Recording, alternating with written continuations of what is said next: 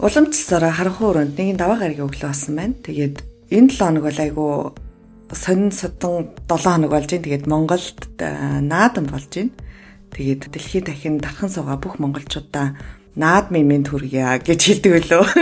Наад наад мимийн төргийа. Би ч хотод сайхан наадаж байна уу. Аа тийм нэрээ. Яа. Юу лээ мэд нэ мэд гэдэг чинь цагаасаа нэ. Сайхан зуншиж байна уу билүү юу вэ? Тусаж байна уу? За нэг энэ Монголын хос өмнө хэдэн энэ өгнүүдэд давтаж байгаа явахгүй бол болох юм байна л да. За тэгээ өнөөдрийн дугаарын зочин маань болвол Францын одоо Парис хотоос танарт танарт маань холбогдож өөрийнхөө дүүхийг ярихаар хүрэлцэн ирсэн байна. Зочиндоо өдрийн мэндийг хүргэе. А Ариза хоёртой ч гэсэн энэ өдрийн мэндийг хүргэе. Намайг сонгож оруулсанд баярлалаа. За тэгээд энэ зочны маань хувьд бол онцгой зүйл нь гэхээр жирийн одоо энгийн нэгэн айлын охин те яг гадагшаа хэрхэн гараад ерөн зүгээр тэтгэлэггүйгээр гараад тэтгэлэг өөрөө босгож чадсан гэдэг нь бас сонирхолтой байх болов гэсэн үнд дээрээс та бүхэндээ энэ яриаг хүргэхээр бид нар бэлтгэж байна. Ер нь бол юу гэдэг чинь хүмүүс за за тэтгэлэгтэй амьдрал бол шал өөр байдаг те эсвэл зарим нэг яг тэтгэлгээр гараад үдсэн хүмүүс нь за за тэтгэлгээ хамгаалж үлднэ гэдэг бол бас амараа гэдэг ч юм уу те ингээд нэг юм савлгаатай амьдрал байдаг гэж ярьдаг. Тэр одоо яг хэр үнэн хэсгийг бас цөмөр сонирхцгоё. За ер нь зочин маань яагаад Монголоос гарахаар болвоо тэр тухай яриагаар эхлэе. За ерөнхийдөө бол нэг юм гурван юмнаас л болсон байна. Би өчтөр бодоо сууж хахад нэгтгэн болохоор нэг юм дээр үед 2000-ад оны ихэнх үед нэг монголчууд ажлын гэрээгээр их гардаг байсан шүү дээ. Япон, Солонгос те цэх рүү тэгэхэд гардаг манай хамаатны ах нар ч юм уу эгч нарыг хараад хахад айгуу тийм За Монголд байгаа ар гэртээ мөнгө явуулдаг, Монгол гэрт байгаа ар гэрт гэр нь айгүй нэг амьдралын боломжтой ч юм уу тиймэрхүү харагдсан байхгүй юу. Тэгээд жоохон хүүхдийн нүдээр ингээд хараад үзэнгүүт за ерөнхийдөө ингээд гадаадд байгаа хүмүүс арай боломжийн амьдралтай байгаад байна гэсэн нэг юм сэтгхүү суудсан гэсэн жоохон байх вэс. Тэгээ яагаад ч юм хаанаас сонин сэтгүүлээс олсон юм уу, мэдээнээс сонсон юм уу?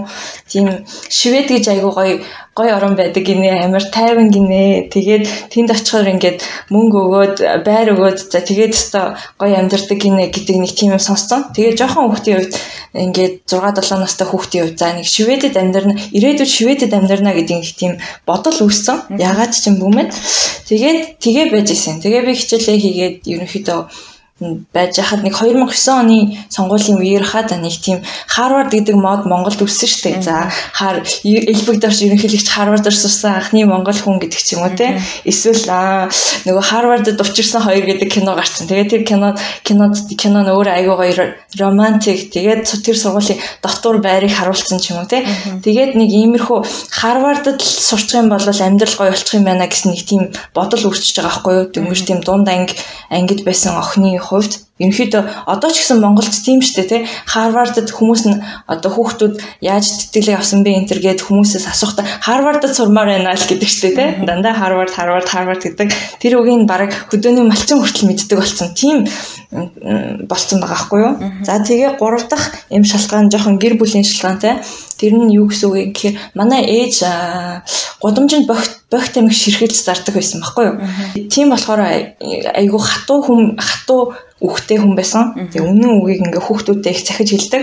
Тэгээ юу гэж хэлдэг гэсэн гэхээр одоо бидний манай ээж аавын үеийн социализмын үеийг бодвол та нар ийм чөлөөтэй нийгэмд амьдарч байна. Тэгэхэд та нарын гарт бүх боломж чинь нээлттэй байгаа. Тэгээ энийг ашиглаад өөрөө өөртөө боломжтой, чадвартай, боловсралтай болгоод авах чинь та нарын чадварын асуудал аа. Тэгээд өөртөө ингээд чадваржуулаад авчих юм бол хинч та нараас тэр чинь булааж авч чадахгүй шүү гэдэг тийм мессежийг их өгдөг гэсэн баггүй юу. Тэгээд эндээс ингээд ахлах сургуулаа төгсөө ер нь юу гэж утсан гэхээр за ерөнхийдөө дэлхийн шилдэг сургуультанд сурыг.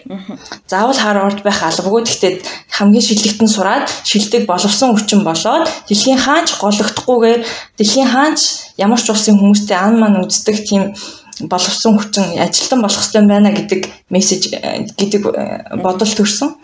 Тэгээд ерөнхийдөө за энэ ингэж гадаадд сурахын хамгийн ихний алхам нь юу юм бэ гингот англи хэлээр сурах хэрэгтэй.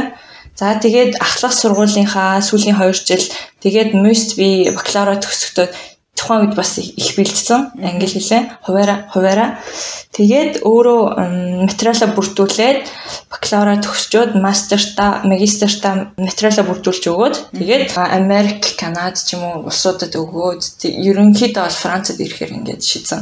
Э, ганцхан одоо Францаас юу авсан гэсэн үг үү? Урилга, урилга аваад бусд нь татгалцсан болсон байсан болохоор Францыг сонгосон уу? Яг одоо яагаад заавал Франц гэж те Канад явах боломж байсан болов ч юм уу? Надад нөгөө нэг Америк болон Канад ч юм уу те англи саксофон улсуудыг бодох юм бол төлбөрийн хувьд айгүй боломжтой санагдсан байхгүй амьдрах зардал төлбөрийн хувьд Европ Европ төв өөрөө тэгээд нөгөө Америкт ч хүмүүс ингээл 100% тэтгэлэгтэй тэтгэлэгтэй гэж хэлдэг шүү дээ.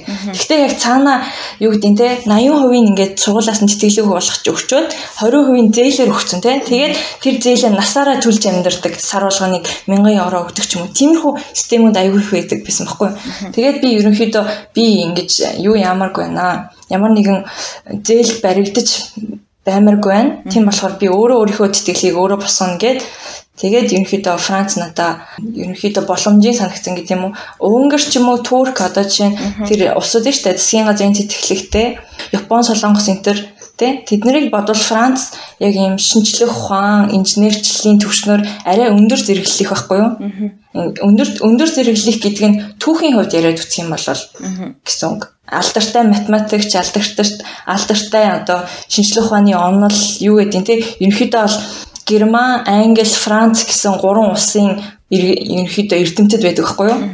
Тэгэхээр тэгэхээр ерөнхийдөө бол би энэ шинжлэх ухаанаар сурч байгаа юм бол энэ шинжлэх ухааны их орон нутагт нь ирээд сурья гэдэг бас тийм бодол байсан гэх юм уу. Гайгүй гэдэг нь хит юм бэ төлбөр нь. Одоо жишээл Германы үед бол үнэгүй байдаг шүү дээ. Тэгээ зүгээр яг удирдлын төлбөр одоо нэг бага хэмжээний мөнгө төлөө болчдөг. Францд ямар байд юм бол За Америкт за би харьцуулт хийж үзье. Америкт за жилийн төлбөр нь нэг 60 мянган Америк доллар тий зүгээр сайн сургуулийн хувьд гэх юм бол хоолунд нь ороод. За Францад за Канад манад ч юм уу 40 мянган Канад доллар энэ төр болоо явцдаг. Япон солонгост чинь 10 сая мая хавцаа байдаг юм шиг үлээ тий. Тэгэнгუთ Францад болохоор улсынх болон хувийн сургуулиудаараа ялгардаг байхгүй юу? Улсын сургуулиуд нь 2018 оноос өмнө үнэгүй байсан байхгүй гадаадын оюутнуудад. Тэгээд жилийн хураамж нь нэг хураамж нь 300 400 евро төлөөл тэгээд сурчдаг. Тэгээ өөрийнхөө амьдрал зардлыг даадаг, дагаад сурчдаг тийм байсан. Хувийн сургуулиуд нь болохоор жоохон ийм чанар сайтай. Одоо чинь одоо дэлхийд нэгт ордог бизнесийн сургууль Францад байгаа хгүй юу. Тэр сургуулийн төлбөр төлбөр магистрийн програмынхаа төлбөр гэхэд 100 мянган евро жилийн. Тиймэрхүү жишээний ийм хувийн сургуулиуд нэлээд өндөр төлбөртэй. Гэхдээ өндөр төлбөртэй ч гэсэн гараад ажлын байр олдох тийм боломж нь бол шууд нээлттэй. Одоо төгсөгчдийн 90% нь 6 сарын дотор маш том компаниудад ч юм ажлын ажлын урилга авдаг гэдгээрээ тийм байдаг. Тэгээд манай сургуулийн хувьд болохоор 15 мянган евро байсан жилийн. Тэгэхээр арай тэр Америк энтриг бодвол 60 мянган энтриг бодвол арай гайгүй боломжийн санагдсан байхгүй надад. Тэгээд энэ хинээдтэй. Тэгээд бакалавра төгсрөн ч гэсэн нөгөө кредитээ дүүцүүлж ордог. За ямар ямар хичээл авсан байна гэд яг ингээ магистертаа орохдоо дүүцүүлээд тэр улсынхаа системтэй харьцуулагдаж ордог. Тэгэхэд бол минийх гайгүй байсан. Гэхдээ шал юунд тэтгэлэгт авахын тулд шалгалт өгдөг. Тэгээд тэр шалгалт нь болохоор яг та ямар чиглэлээр сурах гэж байгаа тэрнээс нь хамаарат математик байна уу, физик байна уу, за тэр бизнес нь байна уу ч юм уу тий. Тэр шалгалтаа өгдөг. Гэхдээ би тэр шалгалтыг өгөхдөө нэг амар Франц аялагтай англиар ярихдаа Франц аялагтай тийм профессортай таарсан байхгүй юу. Тэгээд нөгөө нөгөө хүн чинь математикийн асуултыг асуудаг. Гэтэ уул нь би нөгөө зургийг харчаад за нэг иймэрхүү юм асуугаад байгаа юм байх та гэд ойлгоцсон. Гэтэ амар Франц аялагтай болохоор ингээд надад айгүй хэцүү. Тэгээд би тэтгэлгийн тэтгэлгийнхээ шалгалтанд унтсан байхгүй юу. Тэгээд тэтгэлэггүй тэтгэлэггүй болсон. Тэгтээ аав ээжтэй болохоор тэтгэлэгтэй би тэтгэлэг авцсан надад жилийн сургуулийн төлбөр байхгүй тэтгэлэгтэй учраас тэгээд дээр нь хоол ундны байрны мөнгө ингээд сургуулиас бас тэтгэлэг дээр нэмж олгож байгаа гэсэн тийм э, худлаа үг хэлээд тэгээд би явцсан байхгүй юу. Тэгтээ тэгтээ тэгэж явахдаа ямар ч сэтгэлэг босгоно гэдэг айгу тийм зоригтой явсан гэдэг юм уу. Тэгээд тэр тэр зам маань ч гэсэн айгу тийм амар байгаагүй. Тэгэхээр ер нь ямар ч мөнгөгүй баг Монголоос гарсан гэсэн үг нөгөө сургуулийн төлбөрийн 15 мянган евроч байхгүй одоо нөгөө нэг зарим их сургуульд ороход ч эхлээд төлбөрөө төлөх шаардлагатай болдоо шүү дээ. Тим юм ерөөсөө нэхээгүй байсан гэсэн үг үү? 15 мянгаас 10% нь эхлээд 6 сард нөгөө сургуулийнхаа сургуульдаа сурна гэдгээ баталгаажуулж төлдөг байхгүй юу. Тэгээ тэрийг би төл тэрийг би төлсөн 100 ажил мажил хийж агаад. Тэгээд илүү гарсан онгоцны билет аваад илүү гарсан нэг 500 евротой л анх Францад хөл тавьж исэн. Тэгээд бас өстой мөнгө босгосон доо 9 сарын 1-нд манай хичээл эхлээд 10 сарын 15 гэхэд төлбөр төлсөн байх хэрэгтэй гэдэг байхгүй юу. Тэгээд тэр 45 хоногийн дотор өстой гүрэж агаад босгосон доо. Яг ий чидийг сонсогдож шүү. Йоо.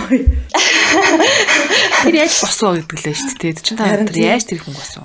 Аа яг тэ нөгөө хоёр ийм шалтгаан байгаа юм шиг байна. За нэгт нь болохоор нөгөө оюутны хичээл зүтгэлийг айгүй их үнэлсэн.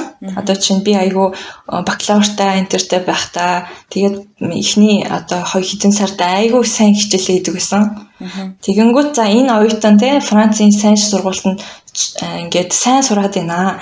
Тэгээ бид нар энэ оюутныг авч үлдмээр байна те. Гэхдээ мөнгөгүй юм байна. Яаж хийж яагаад мөнгө босгоод өгчих юмсан гэдэг тийм сургуулийн оюутны албаны сургуулийн төгсөгчдийн холбооны тийм сэтгэл байсан.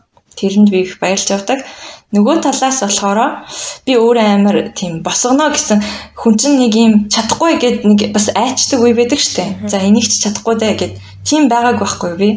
За чадна болгоно гэд яг юм урагшаа чигээрээ харсан. Тэгээ ерөөсөө ингэж өөр тийшээ харж үзэж байгаагүй. Тэгээд тэр байна. За тэгээд хамгийн чухал юм нь гэж хэлдэм үү.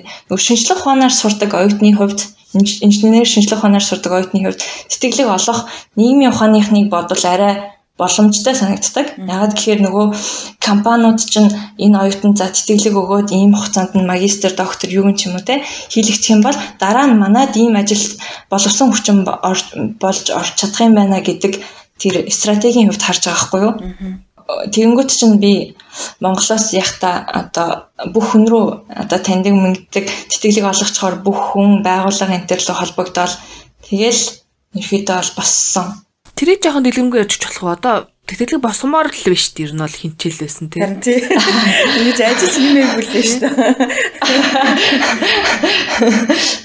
Гэхдээ ийм байхгүй? Одоо за би 500 евротой Францад буулаа штэ. Тэгээд буухта угаасаа Монголоос гарахтаа би угаасаа юу ч Францад бараг юу ч авахгүй гэдгийг мэдчихсэн байхгүй. Үзэг бал дэвтэр ном А4-ийн цаасаа хүртэл чирээд ирсэн. Тэгмээд чинь миний ачаа ийм хоёр хоёр том чундаа. Тэгээд тэр нь бараг 30 эдэн кг байсан байхад нэг чундаа нь.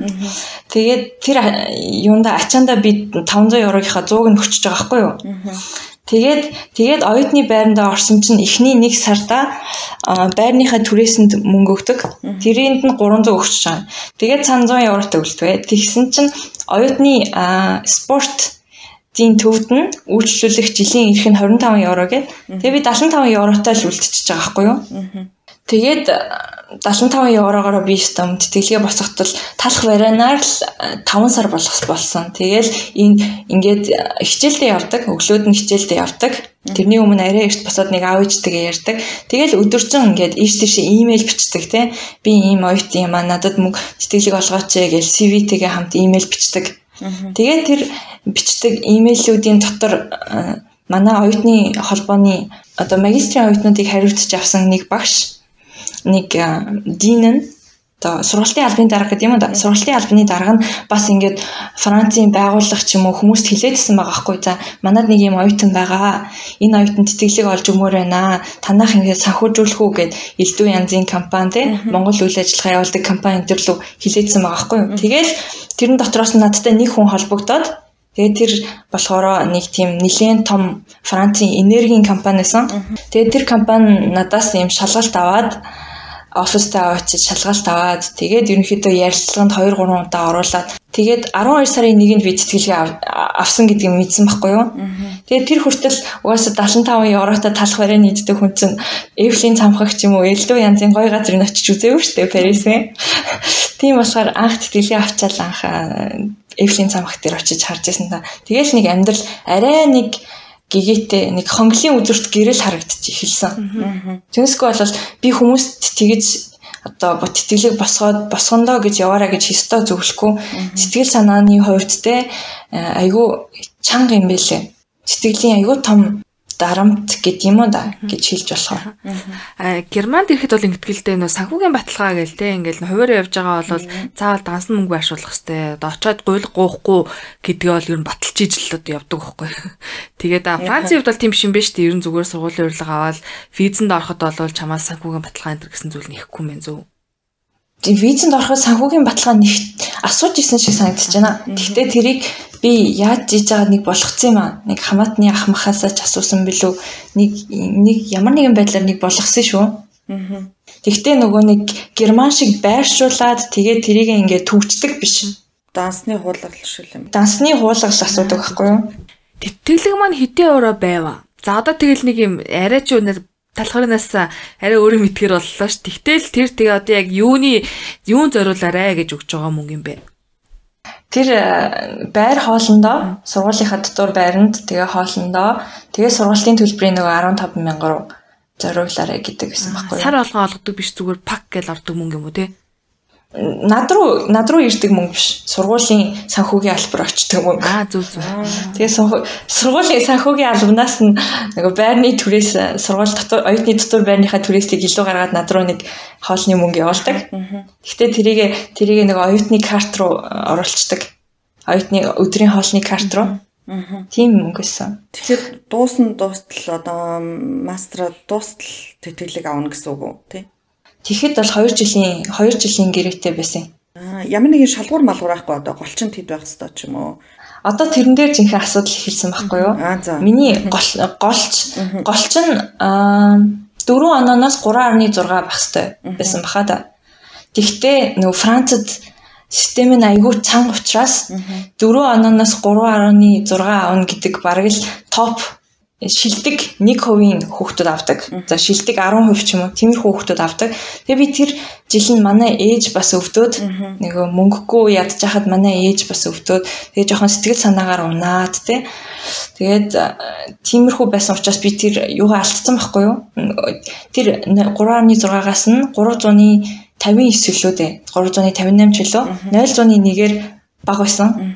Тэгээд за ийм ингээд манай ээж өвдөөд ингээд болохгүй би сэтгэлгээсээ оноо маань хүрсэнгүй гэд хэлсэн чинь тэр компани намайг тэтгэлэг өгөхөө зогсооцсон байхгүй. Тэгэл жинхэнэ тэгэл жинхэнэ тэтгэлэггүй байвал ямар юм байна да гэдгийг хоёр дахь жилдээ мэдэрсэн дээ. Яг нөгөө айгүй нарийн шууд хэлсэн байхгүй 9 сарын 15-нд болсон чинь намайг оюутны албанд дуудаад санхүүгийн сургуулийн оюутны албанд дуудаад за ингээд танай компани чинь тэтгэлгээ өгөхөө болж байгаа гинэ. Чиний голчтун буурсан байна. Хүссэн хэмжээнээс бага байна. Тэгээ болцсон байна. Чи одоо 3 2 өдрийн дотор 15 мянган еврог сургуулийн санхүүгийн албанд төлөө. Тэгээд хичээлээ явж болно гэж байгаа байхгүй юу. Тэгэхээр чи надад 15 мянган евро байхгүй шүү дээ. Тэгэл тэгэл за за би сургуулаасаа гарыг өөр сургуульд оръё гэд бодсон. Мэдээж эхний жилээ баталгаажуулсан бас сайн дүнтэй юм чинь өөр сургуульд оръё гэж бодсон. Тэгээд өөр сургуультай сургууль хайсан чинь харамсалтай нь 9 сарын 15 гээд бүртгэл нь бүгдээрээ хаацсан байсан. Тэгэхээр за энэ жил өнжөөд ямар нэгэн юу гэдэг нь ажил хийдэг ч юм уу эсвэл дадлага хийдэг ч юм уу тиймэрхүү байдлаар энэ жил ингээд өнжөөд бас франц хэлээ сураад би нөгөө анх англи хэлний програмд иржсэн байхгүй юу. Тэгээд ямар ч франц хэл ахгүй. За франц хэлээ сурчаад тэгээд дараа жилээс үргэлжлүүлээ. Эсвэл тэтгэлэг дахиад тэтгэлэг олдох юм билүү гэж бодсон.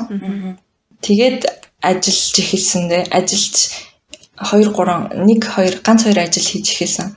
Тийм одоо тийм амар байдаг гэсэн үг одоо жишээлбэл энэ ч нөгөө оюутны визтэй бол заавал тий сургуультай явахгүй л бол виз маань шууд цэцлэгдэх аюултай байхгүй юу? Тэгэхээр танаа тэнд за би одоо энэ жил сургуулаа төр завсарлаад ажил хийжээд дараа жил сургуультай явъя да гэсэн тиймэрхүү боломж ер нь тэгэхээр Францд байдаг гэсэн үг. Гүү штэ гүү гүү. Тэр нөгөө тэр болсон шалтгаан нь нөгөө би 8 сард нь виза сунгуулсан байхгүй юу?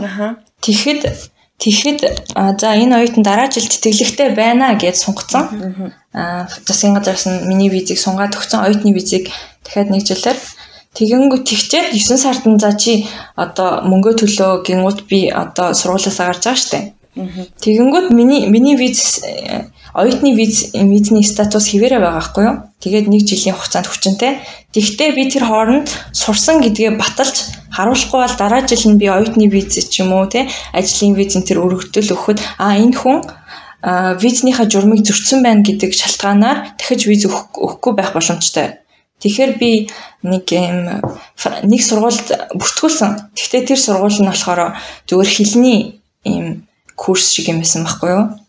Тэрэнд бүртгүүлээд энэ оюутан манайд сурсан гэдэг бичгээ аваад тэгээ дараа жил нь яг жинхэнэ үндсэн магистрийнхаа өөрийн мэрэгжилтэд орохдоо виза сонгуулахад ашигласан гэдэг юм уу?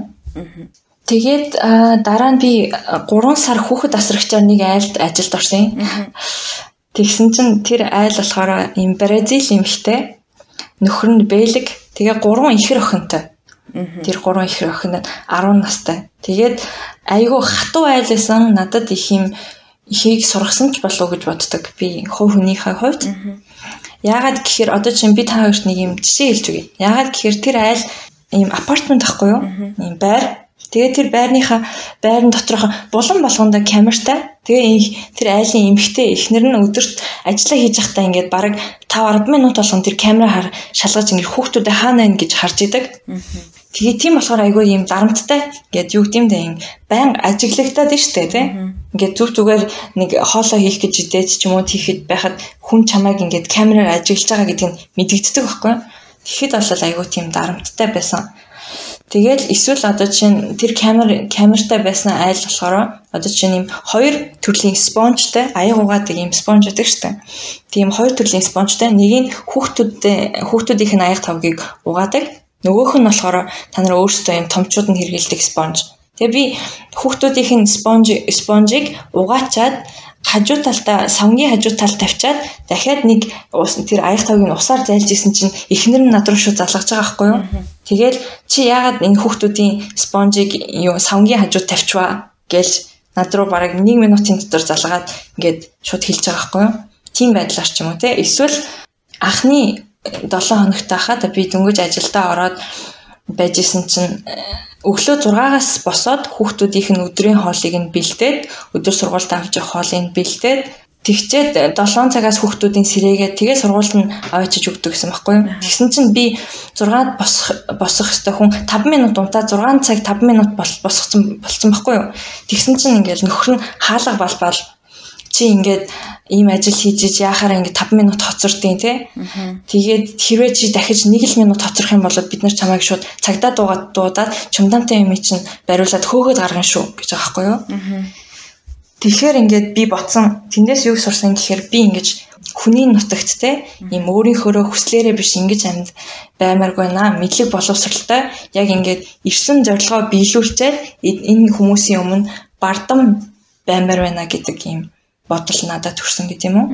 Тэгээд би тэр тэр айлаасаа 3 сар ажиллаад гарчаад 2 сар өстой гэртээ ковидын ч үе байсан баха да энэ Францад. Тэр ковидын үед өстой Франц хэлийг 2 сар нүдээд А1-ээс B2 руу нь ягаад сургуульд нь сурах эрхээ авч исэн. Аа тэгээд дараа нь Франц хэл дээр сурсан гэсэн үг үү? Тийм. Эхлээд англи хэл дээр байж байгаа дараа нь Франц хэл дээр сурсан байхгүй. Нөгөө нэг яг надад бол яг ингэ санагдаж Гэхдээ эсвэл нөгөө нэг нөгөө түүхээс чиний ярьсангаас зарим юм хасагдаад байж магадгүй бах. Айгу амархан санагдаж байгаа хгүй одоо нэг юм тэ яг ингэж хэлэхээр айгу буруу ч хийж магадгүй л хэл та. Ингээл сургууль руу юмаа явуулсан чинь бүтээл те тэгэл очиод ингээл атсан чинь тэтгэлэг олдоод яг хуу мэдээж тэр үед хэцүү байсан бах та. Тэгээд ингээл дараа нь 3 сар яаж байгаа л ажил хийж байгаа л болол тэгэл тэр хоорны санхүүгээ яаж зохицуулдаг байсан бэ гэж. Одоо ингээ бараг сонсож байгаа хүмүүс аа болчих юм шүү гэж бас бодож иж магадгүй. Би юм шиг надад бол яг санагдчихлаа л да. Тийм ингээд 3 сар ажиллаад дараа нь 2 сар ажил хийхгүй гэртээ суугаад хичээлээ хийж болд юм байна. Тэтгэлэгтэй болчих юм бол ер нь бол давхар ажил хийх ямар шаардлагагүй юм байна ч юм уу. Тийм ингээл нэг тиймэрхүү бодолд хүрч иж магадгүй бах. Тэгэхээр тэр санхүүгээ яаж зохицуулж исэн бэ? Эсвэл нөгөө нэг барианда талах идэл явдаг байсан уу? гэж асуумаар. Тэгвэл нэр яг хүмүүс тэгж бодож болчих магадгүй мэн гэд зориглоод хүрээд ирсэн чинь балруул баларлаа. За би нэг өөр өөр нэг жишээ олж ярьж байгаа. За одоо тэр нөгөө Монголд мянган инженер гээд нэг хөтөлбөр байдаг шүү дээ. Японд руу явуулдаг. Монголд шүтээстэй 2 жил сурчаад Японд ч 2 жил сурдаг. Тэгтээ тэтгэлэгтэй тэрэн дээр тэтгэлгээс хасагдсан хүүхдүүд шууд Монгол руугаа буцаад ирдэг ч юм уу те. Тиймэрхүү тохиолдлууд байдаг байхгүй. Одоо чинь би тэтгэлгээс хасагдсан сургуульдаа сурч чадахгүй байгаа гэдгээ аав ээжтэй хэлэхгүй байгаа шүү дээ. Тэр чинь бол миний миний хувьд тийм сэтгэлийн дарамт байгаа зү тэ. Тэр бол нэг талаасаа нэг тийм хүмүүс хэлж чадахгүй нэг тийм сэтгэлийн дарамт. Нөгөө талаасаа мөнгөө өстө тоолдог байсан байхгүй. Угаасаа тоолох ёстой. За юу гэдэг те би өнөөдөр тэр айл ямар одоо 500 евроны цалин авлаа гэж бодоход би өстө 1 цент центээр нь тоолол за өстой ингэж хідэн ингэж яана гэж бүх хоолныхоо орцуудыг бичээл ингэж ботоол хасаал нилээл тийм нарийн байж иж болдог байхгүй юу. Түнэсгүй болвол юу гэдэг те ингээд зүгээр байжсэн чинь мөнгө ороод ирдэг ингэдэг ингэдэг тэгдэг биш дээ. Хинч хинч яг шудрах хэлэхэд та Монголоос гарч Монгол хүн байгаад Монголоос гараад Тэг өөр оронд очиод хүнээс юм гоох юм бол хинч юм өгөхгүй. Хинч ингээд туслаач ээ гэд хэлэх юм бол хинч туслахгүй байхгүй юу? Одоо Монголд ч юу гэдэг нь те би өнөөдөр унааны мөнгөө олчоод ч юм уу те ингээ байрны мөнгөө олцоод хамаатны ах ч юм уу их чинаас асууад хамаатнуудаасаа найзуудаасаа ингээд болгодог штеп тий зээлээ дараа сард нь зээлээл энэ сард нь тэрийг гадаадд та ирэхэд бол та тэхгүй штеп тэрийг бүгдийг өөрөө болгодог тийм нийгэм баггүй юу? Өөрөө ч гэсэн Европ тийм шүү дээ, тийм нэг индивидуалистик. Одоо бараг л 18 хүүхэд нь 18 19 хүрээл сургуулаа төгсөнгүүт нь за сургуулийнхын төлбөрийг төлн төлөхгүй бол тэхгүй. Тэгэл ерөнхийдөө бол нэг юм зоргоороо тэгэл гэрээсээ гараад амьдардаг тийм нэг тийм зоргоороо аа тийм арай нэг Аз шиг тийм дотн миний хүү, миний хүү юу яаж ин гэдэг тийм арай нэг юм нийгэм биш болохоор өөрөө өөрийнхөө өөрөө өөрийнхөө толгойг өөрөө өөрийнхөө юмыг болгож л явахгүй бол хинч тусалдгүй нэг юм баггүй юу. Тэгэл тэр хооронд чинь за одоо чинь тэр хооронд чинь манай ээж амар өвдөөд хэвтэрт орж байгаа байхгүй юу. Тэгэд нэг тэтгэлгээ аваад те тэтгэлэгтэй дундуур ч гэсэн ингээд тэтгэлгээ аваад за нэг мөнгөний асуудалгүй боллоо гэж итэл нөгөө Монголд аав арг ирнэ өвддөг те Тэгэнгүүт чинь нөгөө нөгөө зүгээр сурах гэжсэн хүүхдийн толгой дээр айгүй их тийм бас ийм юу ирж байгаа байхгүй юу? Бас дарамт гэдэг юм да ийм санаа зовс овсон асуудал ирж байгаа байхгүй юу? Тэгээд дараа нь тэтгэлгээ алдчихад арайж нэг мөнгөө тоолоод болгоод байж хахад ирээдүйн мэдэгдэхгүй гэдэг юм уу? Тийм байдалтай байхад бол хүн айгүй их стресстэй хүн айгүй их юм айдаг тийм байхгүй юу. Тэгээ тэрнээс гадна одоо жишээ нь энд ирээд тэтгэлгээс хасагдаад Францад ийм байсан бас түүхүүд 17, 18, 16 оны үед оюутнууд ингээд мөнгөгүй болоод тэгээд аав ээжтэй хэлж чадахгүй Францч гадны оюутанд хэлж чадахгүй амиа хорлж ирсэн тохиолдлууд ч гэсэн байдаг байхгүй юу. Тэгэхээр тэр бол их айгүй эрсдэлтэй гэдэг юм уу. Тэгэж би зөвлөхгүй. За тэгээ одоо цадар чин Франц хэлээ сурцсан. Одоо дараа нь яасан бэ? Франц хэлээ сурчгаар чи нэг арай нэг юу ресторанд ч юм уу зөөгч идэг тийм ажил хийхэр болчихж штэ. Тэгээд сургуультай тэнц магистрийнхаа хоёрлоо тэнцсэн. Тэгээд хажуу талд нь арай нэг юм жохон давхар ажил хийгээд тэгээд болгосон доо. Тэгээ хоёр дахь сургууль нь улсын сургууль байсан байхгүй юу? Тэгээ улсын сургууль магистрийн тэтгэлэг боломж нь арай бас бага. Аа нэг бол ингээд өөр улсын аюу онцгой ах хэвээр. Тэгээд тэр нь засгийн газрын тэтгэлэг мэтгэлгээр ч юм уу орж ирдэг. Эсвэл энэ тентгийн компаниуд ч юм уу манай сургуулийн ийм тэдэн оюутан ийм компани тэтгэлгээр авна гэсэн тиймэрхүү тэтгэлгүүд байдаг. Тэгээд тэр нь тухайн жил бас боломж болоогүй юм аа. Францад сурж байгаа тохиолдолд яг төлөвлөрийнх нь юу нь бол нөгөө юутайгаа харьцуулахад хэрвээ одоо хувийн сургуультай харьцуулахад 3700 магистрт, бакалаврт 2700. Аа тэгээд докторт бол 4 370 баха. Тийм. Тэгэхээр арай нэг юм төлбөрийн хувьд арай боломжийн болоод ирж байгаа. Арай амьсгаа авахтай юм байна. Арай нэг амьсгаа авахтай. Энэ хоёр одоо яг сургалтаа харьцуулахад ялгаа нь хэрээсэн бэ те одоо англи хэл дээр Францд сурах, Франц хэл дээр Францд сурах мэдээж харьцан өөр л байгаа хэл та. Өөр өөр. Ягаад э, нэг өөр юм нь англи хэл дээр их програм дээр аюу олон гадаад оюутнууд байдаг 50% ч юм уу тий. Тэгээд яхаар ингээд арай орчин нь өөр. Францд хэл дээрх одоо програм гэх юм бол ихэнх нь францууд тэгээд нэг юм найзуудын хүрээлэл ч юм уу те иймэрхүү байдлаад үзэнгүү дандаа тийм францууд ингээд нэг юм ярьдаг сэдвүнч Францыг тойрсон ч юм уу те нэг тийм арай нэг Францын орчин гэдэг юм уу да. Нэгдүгээр тэр хоёрдугаарт улсын сургууль болон хувийн сургууль хоёрын нэг ялгаатай юм нь улсын сургууль ингээд хүүхдийг зөнгөөр нь орхичдаг юм шиг санагцсан надад л. Тэр нь юу юу гэсэн үг юм гэхээр за та төлбөрөө бүртгүүлээд тэнцээд тэнцээд бүртгүүлээд төлбөрөө төлөөд за хичээлээ орлоо штэ. Тэгмээд хичээлийн эхний өдөр за ийм ийм юм байна гэд нэг юм жоохон ерөнхий мэдээлэл өгнө. Тэгчээл ерөөсөө бараг ингэж хайчдаг гэдэг юм уу? Нэг тийм одоо мэдээлэл олохгүй. Одоо жишээ нь хуучин сургуулийн хувьд гэхэд бол бид нарт ийм олон улсын оюутан болгон нэг нэг ийм офицер хариуцдаг нэг нэг 20 гадаад оюутныг нэг офицер хариуцдаг. Тэгээд энэ тентхийн асуудал болдог ч юм уу мөнгө төгрөг юу гэдэг те хичээл стресс гэж янгот нөгөө офицертай аваачиж хэлдэг. Тэгээд нөгөө сургуулийн дотор байрны дотор клиниктэй эмнэлэгтэй. Тэгээд эмнэлэг яагаад үдчингүүт эмнэлэг эмнэлгийнх нь хүмүүс нь англиар ярьдаг ч юм уу те. Тэгэхээр энэ нөгөө нэг англи хэлний програм нь арай нэг тийм юм дотгошоо жижигхэн Тэгээд та нэг юм гадаад одоо Франц Францын юу гэдэг нь administration энтертэй ингэж нэг зовлон хураагаад ахгүй арай амар амар санагцсан надаа. Тийм тэгээд нөгөө ажлын ажил дээр гарахад ч юм уу те CV-н дээр энэ төр тусалдаг эсвэл энэ тэндээс юм том компаниудын захирал махирал ч юм уу тиймэрхүү хүмүүсийг аваачиж яриа хийдэг. Тийм арай нэг юм оюутнуудаа энэ энэ оюутнуудыг ийм амжилттай явуулна шүү гэсэн гисэн тал дээр айгүй их зүйлийг хийдэг юм шиг санагдсан. Хувийн магистрийн сургууль магистр төгссөн хүн хувийн сургуулийн юуны улсын сургуулийн магистрийн төгссөн хүүхэд хоёрын мэдлэг нь адилхан байсан ч гэсэн яг ингээд CV-гээ бариад очигингууд нэг нь одоо улсын сургуулийн угаасаа ямар ч мэдээлэл өгөөгүй болохоор арай нэг дутуу ч юм уу те. Тэг ингэж одоо хүнтэй харилцах чадвар нь арай бага ч юм уу те нэг тийм тал дээр ялгаа нь бол айгүй ажиглагддаг. Эсвэл дадлага хийс хийсэн дадлага нь арай цөөхөн ч юм уу? Ягаад гэхээр сургууль нь ингээд дадлага хийгээд шаарддаг ч юм уу те тиймэрхүү байдлаар. Гэхдээ би хувийн сургууль гэж байгаа гэж хэлэхдээ сайн хувийн сургуулиудыг хэлж байгаа. Тэгэхгүй бол мэдээж бас нэг гадаадын оюутнуудын мөнгөний аваад зүгээр толгойг нийлээд явуулчих гэсэн сургуулиуд бас байгаа л та.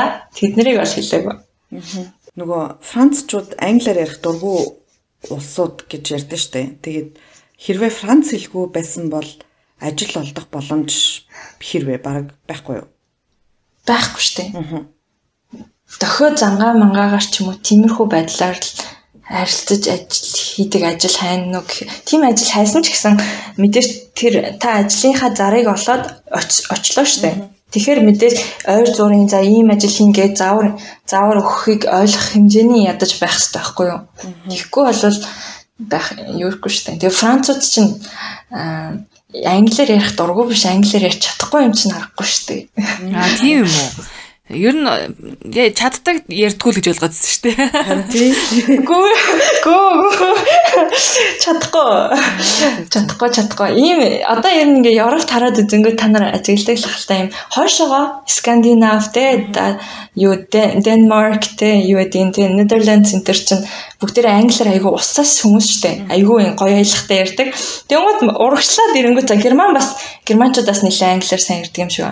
Тэг урагшлаад ирэнгүүт Итали, Испани, Португал, Францууд бол ерөнхийдөө англиар ярихтаа маруухан тийм нэг хуучин хуучин Roman countries Ромын эзэнт гүрний улсууд гэдэг юм уу? Нэр айгүй тийм англи хэлтэй муу байхгүй юу? Тэгтээ ингээ өөрсдөө айгүй сайн ярьдаг гэж боддог. Айгүй юм тийм зөөлхөн аялагтай. Тэр зөөлхөн аялга аялга гэснээс ингээд энд удаан байгаа тийм аялагтай хүмүүсийн дотор англиар ч юм уу францаар яриад хахад тийм зөөлхөн аялга ордог юм шиг байна. Яасан гэсэн чи өнгөрсөн жил би Монголд очиод юм ярьсан чинь ингээд айгүй зөөлхөн айгүй юм юу гэдэм дэ шалчгамж байгаа юм шиг сонсогдож байна гэж хэлж байгаа байхгүй юу намайг. Тэгэхээр нөгөө Франц аялах тийм байх байх нь шүү дээ. Тэгээ сонсогддог хитэр хизүүлэн. Тэгээ нөгөө талаараа Францууд ч гэсэн монголоор очиод нөгөө халбаг гэд хэлэнгүүт хэлж чадахгүй те. Тэр хавлаг гэдэг нөө. Гой Францаар хэлж байна за. Хавлага. Regarde. Ай тэр нэг баг тийч ёо. Яг яг л сайн айгуу зүв сонсогцаа сая. Regarde гэж үг мэднэ. Навэс ёо ёо ёо ёо Франц дэмдраа. Je m'appelle. Жоо солиород унсаа. Юу юу. Ингээл сонсонгууд амар амархан сонсдог байна л да. Тэгээ чиний хувьд ингээл зүгээр л тэгэл англи сурцсан гэжсэн аа. За за тэгэл англи дээр сууж болохгүй юм чи Франц дээр суръя дөө гэл тэгснэ амар дараа жилийнх нь хөтөлбөр Францаар орцсон ч ах шиг те. Ингээд энэ ер нь юу юм бэ те. Яагаад ам бэ? Яа цараад ам бэ? Нэг юм биш үү хэлээд тачаа. Ий чи дэвшээ зүгээр нөгөө би ч тийм амар гоцгүй юм шиг штэ. Гоц тийм юу гэдэг те MIT юу энтерт нь Harvard нь тэнцдэг нь биш штэ. Тэгэл энгийн л айлын энгийн л улсын сургуулийн энгийн л охин баггүй юу. Тэгээд хамгийн гол нэг хичээж явахд л болдог юм шиг санагдсан. Тэгээд бас хүмүүс айгүй хилдэм миний ярианаас айгүй болно ингээл болцсон штэ болгоно штэ гэдэг нэг тийм ирээдүйд цаг дээр ямар ч юмыг болгоно гэсэн тийм үдэл одоо хандлагатай юм байна гэж хэлдэг байхгүй намайг. Тэгэхээр ерөнхийдөө бол тэрнээс их болд юм болов уу гэж би боддог. Одоо ямар нэгэн хэцүү даваа ч юм уу те дараагийн асуудал гараад ирэхэд за болгоно. Гэхдээ яаж болгох вэ гэдгээ бас бодно шүү дээ. Тийм болгоно гэж зүгээр гизээ хэлээд тийш хараад хөвчих хаад юу ч болохгүй шүү дээ мэдээж. Болгоно гэд тэгээд за болгоно гэх юм бол А Б С 3 төлөвлөгөө гаргаад за эхлээд А дээрээ 100% хүчээд ажиллаад дараа нь болохгүй бол Б рүүгээ дараа нь С рүүгээ ордог тийм системтэй байхгүй юу? Бол ингээд болцсон штэ амар амархан гэж хэлэхгүй амар хэцүү байсан. Шудраг хэлэхэд бол. Гэтэ ер нь бол боломжтой хань штэ жилийн дотор Франц хэл сураад ихтэй сургууль орох хэмжээний төвшөнд очино гэдэг чинь бол 2 сарын дотор ихгүй юу? Вау, бүр ёо. Тийм. Тэр өдөр шөнөгүй үзсэн үү? Би өдрийн 10 цаг хийж судаг гэсэн Франц хэлийг. Гэтэ айгүй одоо би хүмүүст нөгөө нэг хэлэхдээ англи хэл айгүй амархан штэ. Аа тэр англи хэлээ сурчих юм бол за тэр латин улсуудын хэлийг сурчхад айгүй амархан байхгүй юу? Тэр нөгөө дөрөм ч юм уу те тэр нь ойрч болохоор би англи хэл франц хэлийг англи хэлнээс сурсан байхгүй юу? Тэгэхээр надад бол арай ойрхон байсан тэр тухайга ном бичээч тий. Энэ 2 2 сард хэрхэн Францад сурч ихтэй сургуульд орох вэ? Аа бүү шууд бэстсэл. Би авч уншна. Тийм ээ. Гэтэ би хизэж 10 цаг суухгүй бах уу? Айгуу нэг нэг цаг сууж за за боли боли боли. Ер нь яшиг машиг аа гээл тэгэл Тэгэл газ Франц залуудаа уулзч игээл аа ёо. Бараг тэраараа болно нэрээ тий. Тэгж 10 цаг магсахгүй зүгээр 10 цаг зүгээр ярианы хичээл авна хаа. Яа за тэр солиорох яг. Гэхдээ юу гэж э, бодлоо ойлголоо нөгөө магистрийн төлбөр 3500 гэсэн бэлээ. 3700 тий. Тэгээ дээрэс нь байраа төлөөд хоолоо төлөөд ер нь бол ажил хийгээд тэр бүгдийг амжуулах боломжтой гэсэн үг. Нэг ажил оюутны э, юу чинь бас л яг 20 цаг байх гэж бодож байна. Францд. Франц юм штэ. Аа 7 хоногоор нь ингэж өөр улсуудыг цагаа өгдөг. Жилийн 970 цаг ажиллах эрх өгдөг байхгүй юу? жилээр нөхчдөг. Тэгээд тэрийг одоо нэг компанид юу гэдэг нь те McDonald's 3 сар зуны 3 сар ажиллахын гэх юм бол Францад 7 хоногийн максимум хэмжээ нь ажиллах максимум хэмжээ нь 35 цаг албан ёсны. А тэгээд тэрийг одоо хуваагаад бодно шүү дээ 35 цагаар энэ хүн манад за юу гэдэг 3 сар ажиллахад 12 гэдэг ингээд бодон 400 хэдэн цаг байна. За тэгээд 400 хэдэн цагаасаа хасаад ийм бичиг шиг юм өгчдөг байхгүй юу? Тэгээд тэрээс нь ингээд бодуулж авдаг. Тэгэхээр компанид одоо энэ тэнд ажилд орохдоо тэр бичгээл одоо 476 цаг гэдгээл бодуулдаг. Бишээ 400 976 цаг гэдгээл бодуулдаг байхгүй юу? Гэтэ ер нь тэгэж ажил хийгээд мастрын төр төлбөрөө төлөөд одоо байр Парист бас байр үнэтэй байдаг бах гэж бодож байна. Тэгээд хоол молоо төлөөд ер нь бол санхүүгээ яг өөрөө аваад санхүүгээ гинэ. Санхүүгээ яг өөрөө аваад явах боломжтой гэсэн үг гэж ойлгож байна зөв үү? Ямар нэгэн ар гэрээс тусламж мусламж авахгүйгээр ер нь ажиллаа хийгээд хичээлээ хийгээд байрны төлбөрөө төлөөд сургалтын төлбөрөө төлөөд амьдрах боломжтой юу гэж асууж байгаа. Аа. Парис одоо ямарч 2020 21 оны дэлхийн одоо хамгийн үнэтэй хотуудын эхний 3 дандаа ч ихсдэг байхгүй юу. Тэгэхээр амар үнэтэй. Яагаад Парис үнэтэй болсон бэ гингууд нөгөө айгүй гой гой ийм байшингуудын одоо гадаадын Холливуудын одууд ч юм уу те хүмүүс авчаад тэрийг амар үнэтэй зараад идэг байхгүй юу. Буцаажаад түрээслэхтэй. Тэгэнгუთ энгийн зүгээр дундаж жирийн Франц хотыг бодох юм бол түрээс нь маш их. За одоо чинь а Парис нэг юм ойлголт өгдیں۔ Тэр нь болохоор chambre de bonne гэж байгаа байхгүй юу? Юу гэсэн үг юм гэхээр Парис байрнууд Парис дахь байрнууд загвар нь нэг юм 7 давхар ч юм уу тиймэрхүү байрнууд. Тэгээд ийм системтэй айгүй ийм цэгцтэй. Тэр байрнуудын 7 давхарт нь яг ийм түүхийн хувьд яриад үзэх юм бол эхний эхний 1 2 давхарт нь дэлгүүр дэлгүүр ажиллаад 1900 оны үед тэгээд 2 3 3 4 давхарт нь ингээ баячууд нь амьдраад Тэгээд долоон давхарт нь тэр юм зарц үйлчлэгч нар нь амьдэрдэг байсан байгаа хгүй юу. Тэгээд нэг юм жижигхэн жижигхэн өрөөтэй яг тийм үйлчлэгчийн өрөө нэг за нэг 7-оос 9 м квадрат ихтэл нэг 12 м квадрат ч юм уу тийм өрөөтэй. Тэр өрөөгөө штэ Парист энэ за энэ жилийн ханшаар бодоод үзэх юм бол 600 евро 500 евро ч юм уу 12 м квадрат нь. Тэгэхээр амар үнэтэй байхгүй юу. Тэгээ хоол хүнс мүнс ч юм уу те одоо тэр мэрийг нь бодоод үзэх юм бол бас айгүй амьдрахад үнэтэй хотоо. Тэгэхэд ерөнхийдөө ажиллаад яхад бол болтын болтын. Тэгтээ ихтэй нэг юм нөгөө хичээл нь Францын хичээл нийгэм талдаа бол арай гайгүй юм шиг санагддаг. Гэтэ нэг шинжлэх ухааны талдаа жоохон юм чанга болохоор хичээлээ орхигдуулах ч юм уу тиймэрхүү асуудлууд гарч гадаг байхгүй юу. Манай одоо миний таньдаг мэддэг найзууд одоо ажил бүтэн ажил хийгээд явхад цаана хичээлдээ сууж амжихгүй ч юм уу тий. Тэгээ хичээлдээ сууж амжихгүй болохоор одоо дараа нь шалгалтаа өгөхөд хэцүү байдаг ч юм уу. Яг тэр тухайн асуу гэж бодож илаа л да нөгөө инженерчлэл инженерээр сурж байгаа ч юм уу те ийм хүмүүс гэхээр зөө юм ингээ яг нэмт таалчиж хардсан байна гэд би ялгааяасаа бодоо сууж илаа. Яг нэг одоо заяа вторийн хувьд бол хоёулаа ингээ нийгмийн чиглэлийн хүмүүстэй ингээ нөгөө нэг сурсан юм юм. Тэгэхээр ерөөхдөө бүхлээр нь хардаг тийм асуудлыг Аа тэгээ инженер чиглэлээ сураад байгаа хүмүүс болохоор зэрэг за яг энэний дараа ингэх юм байна, ингүүл ингэх юм байна. Ийм учраас надад яг ийм хэрэгтэй юм. Яг тэрэн дээр төлөж чаддсан байна гэсэн ялгааг л хараа сууж ила. Чи тэгээд яг өөрийнхөө мэрэгжлийн хувьд жоох яриач тхүү одоо яг бид нар бол яг нарийн мэдсэнгүү шүү дээ яг чиний ярианаас бид нар бол мэдчихэж байгаа яг юугаар сурж байгааг чинь манай сонсогч нар зориулаад яг юугаар сурж байгаа энэ юу нь яг цаашд ямар ирээдүйтэй ямар хэрэгцээтэй мэрэгжил талаар жоох ярьж өгөөч.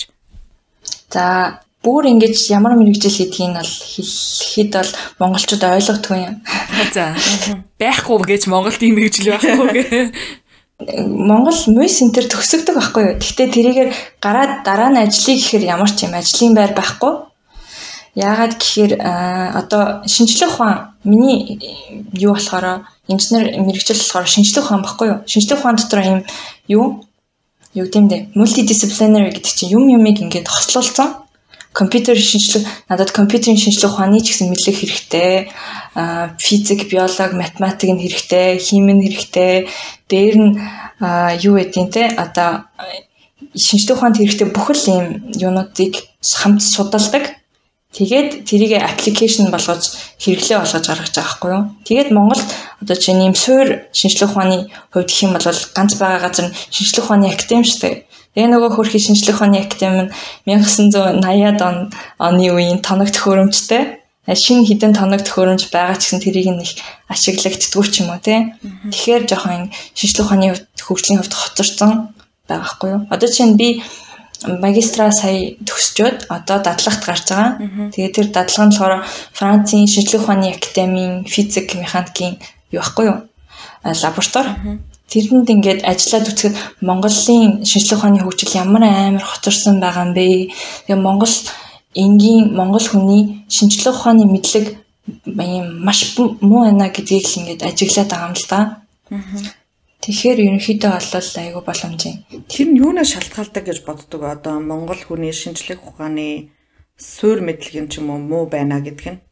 А 10 жилийн боловсролоос нэгдүгээр шалтгаалж байна те. За юу гэдэг нь те хим физик, биологи айгуу гоё тийм сайхан шинжлэх ухаануудыг заадаг багш нар нь тийм хүүхдийн сонирхлыг өдөөж чадахгүй байгаа болохоор нөгөө хүүхдүүд нь сонирхгүй ч юм уу нэг юу гэдэг нь те физик, хим, биологийн номыг нэг хууцын эргүүлж хууламжлаг хийсээр байгаа таардаг. Тэгээд нөгөөхөө яг ингээд амьдрал дээр хэрэгжүүлэх гэх юм бол юу ч мэдэхгүй ч юм уу те.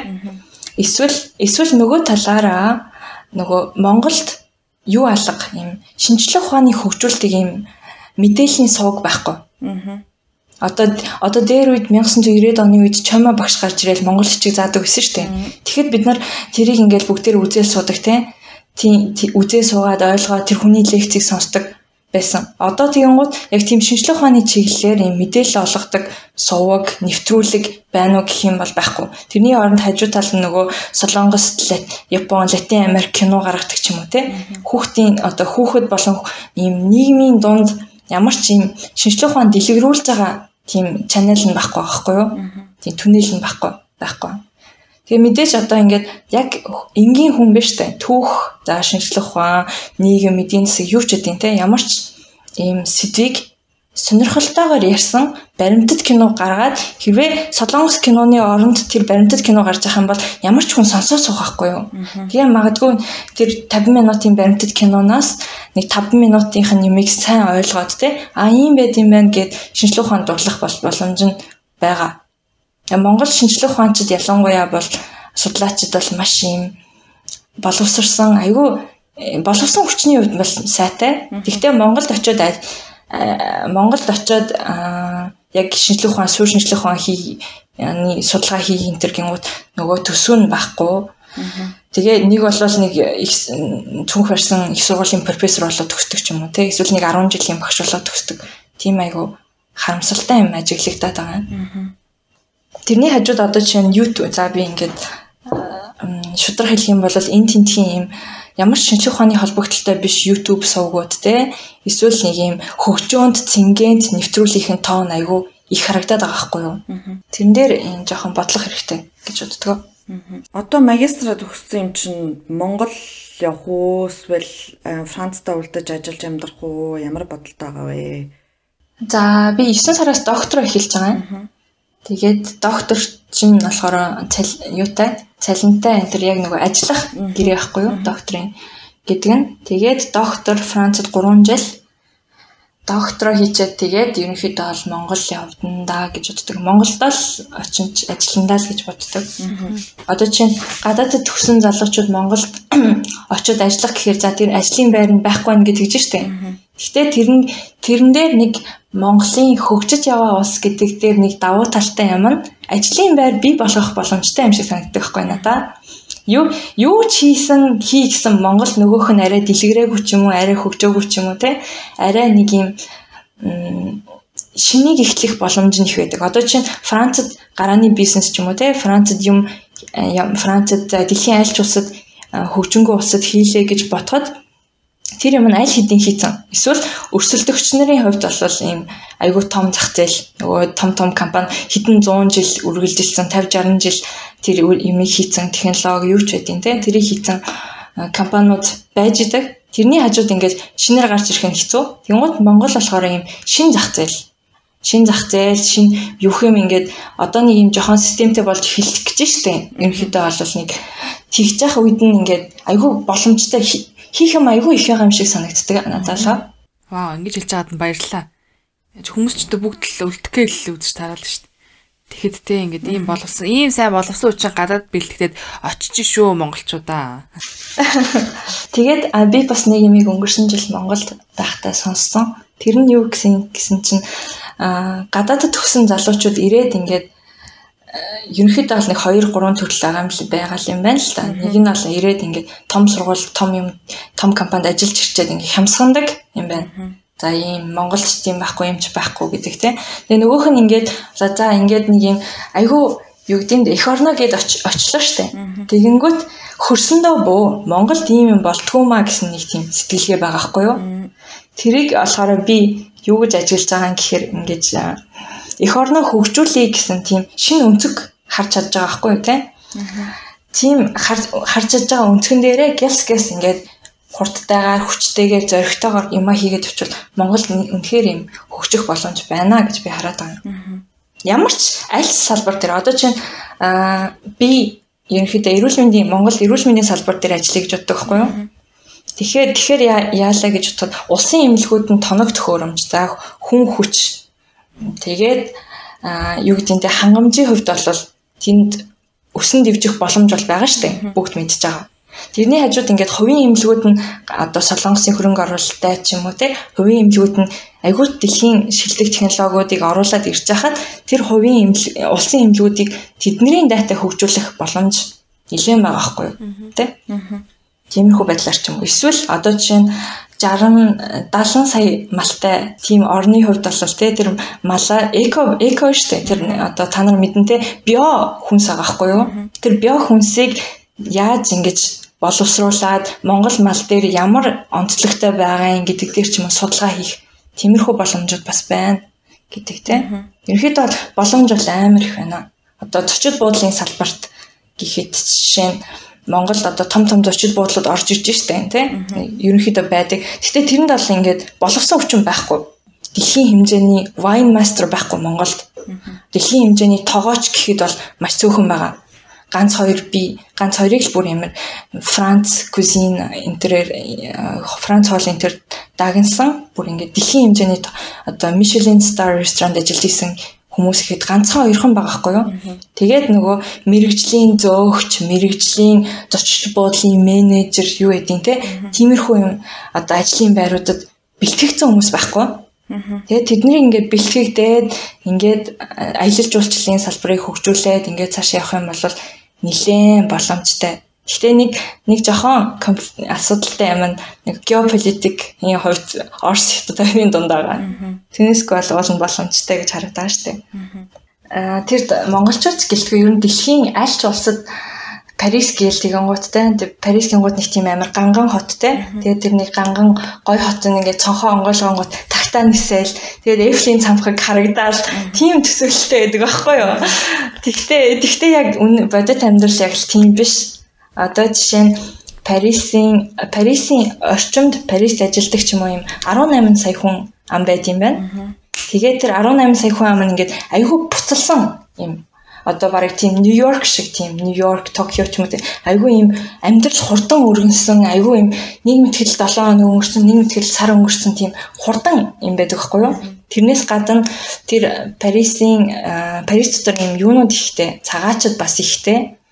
Тэгээд тэр цагаачд нь одоо жуулчдын ямыг хулгайлдаг ч юм уу тиймэрхүү байдлаар айгүй тийм юу байдаг. Жохон ингээд боддог одоо хүмүүсийн боддгоос арай өөр гэдгийг хэлэх хэрэгтэй. Нэршил байдаг хгүй энэ болохоор Japanese syndrome, Япон синдром гэж нэрлэдэг. Яасан гэсэн чинь Япон жуулчид Парис эрэхтэй амар гоё юм төсөөлсөн байт юм байна л да. Одоо нөгөө Холливуудын кинон дэр гардаг чи юу гэдэг те нэг Франц залуутай үнсэл Эйфлийн цавхагны урд үнсэлцээ байдаг ч юм уу те. Тэгж төсөөлсөн хүн бас байна байна. Тэгээ Монголын урд дулсан ч хүн байна. Тэгээд тэгээд төсөөлөд ирдэг. Тэгээ нөгөө Япончууд нь тэгээд ирдэг. Тэгээ эренгүүт нөгөө Парис нь метро амар асуудалтай бохор өмхий юу гэдэг те айгу удаан. Тэгээ Парис ийм том хотод амьдарч байгаа хүмүүс чинь айгүй тийм бас жоохон юу байдаг штэ юм стресстэй гэдэг юм уу? Монголд ч гэсэн Улаанбаатарын хүмүүснийг онцгой гэж ирдэг штэ. Тийм байхгүй юу? Тэгэнгүүт тэр нөгөө ирсэн жуулчдын сэтгэл бүр ингээд 100% сэтгэл ханамжаас 0 руу орд юм байна л да. Тэгээ тэрийг нь Япон синдром гэж нэрлэдэг. Тэгэхээр бол их тийм дол нэг 7 хоног амрах ч юм уу те нэг 4 5 хоног амрахад бол үзэх юмтай түүхийн хувьд бол айгүй гоё хот. Гэхдээ амьдрахад бол нэлээ юм чанга чанга шүү. Парисыг одоо хичнээн Монгол оюутан байдаг бай. Ер нь бол яг цагаач байдаг гэдгээр нь сайн мэддэг болохоос ш ер нь нэг юм Монголоос ирээдэг оюутан гэдэг айгуу тийм цөөхөн сонсогддог юм шиг санагдаад тийм. Тэгээ ялангуяа байгалийн шинжилгээ ухаан ч юм уу тийм. Нэг юм Парис сурдаг гэхээр л загвар тийм мод дизайн ч юм уу тийм нэг тийм загвар магвар эсвэл нэг юм уран зураг мураг гамбирын малгайгаа өмсчл уран зураг зураад сууж идэх гэж нэг тиймэрхүү л киноноос харсан л юм байдаг шүү дээ. Яг тийм одоо Монгол оюутнууд хэр байдیں۔ Одоо энд байгаа Монгол оюутнуудыг хоёр за гурван ангилж болох юм гэдэг юм уу? За нэг нь болохоор энд нөгөө цагаачилж ирсэн хүүхдийн үе, хоёрдугаар үе гэсэн үг шүү дээ тийм. Цагаалчилж ирсэн хүмүүсийн хүүхдүүд одоо 20 эдтэй болоод 2000-ад он ч юм уу 99 90 оны үед ирсэн хүмүүсийн хүүхдүүд нь одоо том болоод их сургуульд орж байгаа нэг хэсэг байна. Тэ? Тэр хүмүүс тэр хүүхдүүд тэр оюутнууд болоод зарим нь Монголын иргэншилтэй, зарим нь Францын иргэншилтэй ч юм уу тэ? Яг Франц хүмүүс шиг сураад, Франц хүмүүс шиг ингээд амьдраад явдаг. Нөгөө талаар нөгөө хэсэг нь болохоор ийм юуны хүүхдүүд юу гэдэм бэ? Яг ийм энгийн зүгээр Францад сурах гэж ирсэн ч юм уу тиймэрхүү оюутнууд байгаа. Тэгээ гурав дахь хэсэг нь жоохон баян айлын хүүхдүүд хаашаа аава хаашаа явах гингот нь за Франц явъя гэгмут нь мөнгөний нөгөө явуулсан. Тийм хүмүүс тийм хүмүүсээс байгаа байхгүй. Тэгэхээр ихтэй оюутны хувьд бол цөөхөн. Би саяхан Элчин сайдын яамн дээрээс нэг уншиж исэн чинь 2010-аас 20 оны хооронд 400 оюутан виз авсан гинэ. Франц Монгол дахь Франц элчин сайдын яамн дээр тэгэхээр жилд нэг 40 оюутан байгааз бодоод үзэнгүүт дид чинь маш багтаа штэ. Тэгээд энд сурдаг оюутнуудын хувьд а одоо бизнес ч юм уу нийгмийн чиглэлээр сурах нь байдаг. а дээр нь одоо математик, физик ч юм уу тиймэрхүү юмар сурж байгаа хүмүүс бас байдаг штэ. Нилээн байна. Тэгэхээр ерөнхийдөө бол тал талд эн тэнд өөрөө өөрсдийнхөө юмыг хийгээл явж идэг гэдэг юм уу. Тэгээ Францууд ерөнхийдөө ингээд хүмүүс сонирхолж хэлэхэд айгүй тийм тэмцэгч арддаг юм. Юм болохоор нэг юугаа барайл, өста тугаа барайл, өста тэмцдэг. Тэр нь сайн ч талаараа ингээд өөрчлөлтийг авчирч чадчихээн өөрсдөндөө. Нөгөө талаараа хүмүүсийн энгийн амьдрал айгүй бас төвхтэй ч юм шиг те. Ягаад гэхээр ингээл байнга юмыг амьдаа жоохон шүмжилч гээл те. Тэгэхээр нэг юм амар чил гоё амьдрах гэж энгийн баймаар байтал нэг франц хүн орж ирээд юмыг шүмжлээд ирдэг ч юм уу. Тийм байдаг. Эсвэл нөгөө талаараа ингээл ажил хаялт их зарладаг байхгүй юу? Ингээд нөгөө тэтгэврийнхээ насыг урагшлуулъя гэдэг ч юм уу. Тиймэрхүү байдал эсвэл одоо метроны жолооч нарыг хурдан метроны жолооч нарыг энэ цалингийн нэмий гэдэг ч юм уу. Тиймэрхүү байнгут нөгөө метроны жолооч нар энэ бүгдээр ингээд нэг өдөр ажиллахгүй бүгдээрээ ажиллахгүй ямар ч метро явахгүй тийм үе байсан шүү дээ Францад. 20 оны ковидын өмнө нэг сар 45 хоног ерөөсөө метро галт тэрэг юу ч явахгүй. Бүгдээрээ ажил ажил хайцсан. Тийм бас байдаг. Нөгөө талаараа бас ийм эрх чөлөөний орон гэдэг ойлголт бас байгаад байгаа. Европ Европ дотор ч юм уу айгүй тийм эрх чөлөөтэй. Тэр гей одоо LGBT хүмүүсийг дэмжиж одоо тийм дэмждэг ч юм уу те эсвэл нөгөө шашныг жоохон дэмждэг ч юм уу гэдэг тиймэрхүү дэмждэг биш шашин та ямар шашнаа шүтээд ингээд явах нь явах эрх нь нээлттэй байдаг арай юм нээлттэй арай integrated Тэгээ нөгөө талаараа нөгөөх нь нөгөө бахан халдлагууд гарахад нөлөөлдөг ч юм уу тий. Тэгэхээр айгүй тийм сайнтай муутай авах авах авахгүй зөндөө л юм байна л да. Нууцын хувьд бол. За. А ариун нэг асуухан байгаа. Найзын асуулт дуслаа. За тэгвэл гурал ингээд дуусах уу? А би ганцхан юм хэлчихв. Монгол залуучуудад ингэж хэлмээр байгаа. Хилээ Монголдоо сураад аа ирээ. Ирээ гадаадд ирэх гэж байгаа бол гадаад сурах ажиллах юу гэдэг нь тэгж байгаа бол хилээ Монголдо сурчаад ир. Тэгэх юм бол мөнгөний хувьд шимнэлттэй та дараа нь тэгээ хүний нутагт хэл сурах гэж чигээр юм зоох шаардлагагүй болчихж байгаа байхгүй юу. Тэгвэл гадаадд ирэхдээ чадвараа эзэмшгээд чадвараа эзэмшээд ирэх юм бол эндхийн аль ч орны хүмүүстэй энэ зэрэгцээд ингээд амьдраад явах боломж нь байгаа гэж хэлдэг юм уу. Тэгээд тэр болон чадвараа эзэмшсэн байхад тэрийг өстой танаас хинч булааж авч чадахгүй шүү дээ. Тэгэхээр амьдралын баталгаатай байгаа байхгүй юу. Тэрийг тийм л баймаар байна гэж хэлсэн. Гэж хэлээд э, чамд бас маш их баярлаа гэж хэлмээр байна. Айгүй олон тэг хүүхдүүд ялангуяа сонсож байгаа залуу хүмүүсийн харанхуй өрөөнд гэрэл асаасан байх гэж бодож чинь тэг хүн мөрөөдөж болдог, мөрөөдлөө биелүүлж болдог тэг хүсэж болдог, хүслээ биелүүлж болдог ингээд үнэхээр хүсэж чадах юм бол гэдгийг одоо тод жишээ болсон болгож өнөөдөр манай нэвтрүүлэгт манай нэвтрүүлэгт гинэ манай подкастэнд ярьсан маш их баярлалаа гэж хэлмээр байна тий. Заавал бид нар нэг тийм сэтгүүр заавал би баян байх юм бол юм бол гадаадад сурч олно гэсэн нэг тэр хүслийг биш тий. Би мөнгөгүй байсан ч гэсэн би чадахгүй байсан ч гэсэн би чадна гэж бодох юм бол чадна гэсэн тийм маш гоё сэтэл өгсөн чамд маш их баярлалаа гэж хэлмээр байна. Урьж оролцуулсан та гэртээ баярлалаа. За тэгээд энэ удаагийн дугаар маань энэ төрөд өндөрлөж байна. Бидний дугаарыг те одоо ингээд амралтын өдрөөч гэсэн одоо баяр наадмын үеэрч гэсэн бас сонссон сонсогчдоо маш их баярлалаа гэж хэлэхээр байна. Тэгээд даачийн дугаар хүртэл түр баяртай сонсогчдоо дараагаа их тулцгаая. Баяртай. Баяртай. Зөндөр бос баруун дөрөв зүгээр л хэцгэрчгүй мэр байна Хорхог бодог хоньны толгой хонсон цөвэн идмэр байна Найзуудаараа хөвсгөл орж наргацсан гэж ямар байна Караоке орч холоогоо сөтө шүнжэн дуулмар байна Хаслаа хийж олсон мөнгөө Монголдо цаасаж болно. Усан будгийн аль нэг өнгөөр энэ мүүдийг дүрсэж болно. Гэрлүүгээ ярах бүртээ Көлмэнтийн өднөөс чонгон. Олсон би хамгийн зөв зам go to home Өөрийн зөнгөөр Үүр цайтай чамтай орсны чин гадасой Дүр эсгэхгүй яр хаярч нуханой Бусана зовдохгүй би очих болон. Бусана зов чи намайг Монгол годон Зөндөр бус баруун дөрөв зүгээр л хэцгэрчгүй мэр байна. Хорхог бодог хоньны толгой хонсон цөвэн идмэр байна. Найзуудаараа хөвсгөл орж наргицэн гэж ямар байна. Караоке орч холоогоо сөтө шүнжэн дуулмар